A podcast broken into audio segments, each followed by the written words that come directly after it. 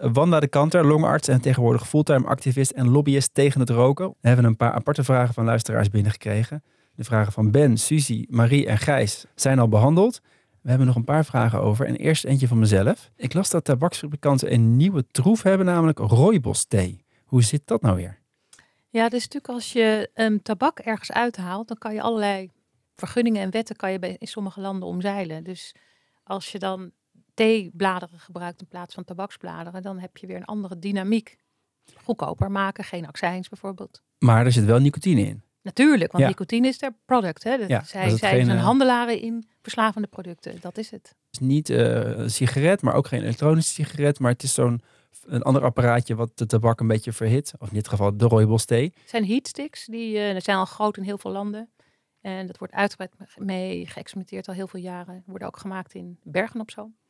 En binnenkort dus uh, ook voor uw kind verkrijgbaar in allerlei smaakjes en uh, geurtjes en geurtjes. Ja. Er was een vraag van een uh, luisteraar. Of van langdurig regelmatig vepen je penis krimpt. Ja, het is sowieso is nicotine doet heel veel bij bloedvat. En penis is natuurlijk een groot bloedvat. Dus um, je hebt bij rokende mannen heel veel impotentie. In, niet impotentie, maar ja. impotentie. Ja. He, je kan beter stoppen met roken dan Viagra gebruiken. Dus wat dat betreft krimpt hij, ja. En dan hebben we nog een uh, vraag van Mariam. Wat is een goede manier om te stoppen of af te bouwen van het vapen? Is dat nou heel anders dan wanneer zou stoppen met roken? Nee, het is niet heel anders dan, dan, dan het stoppen met roken. Belangrijk is dat de vraag voor jezelf te stellen van waarom vape ik? Wat heb ik nodig? Um, en daar antwoord op te vinden op die vragen. Klopt dat, dat ik dat nodig heb? Ik rook hem, ik vape omdat ik stress heb. Maar ja, nu je weet dat je meer stress van vapen krijgt, is dat misschien niet zo'n goede reden om te, om te vapen. Belangrijker, meestal is voor de meeste mensen, 80% is in één keer stoppen beter dan afbouwen.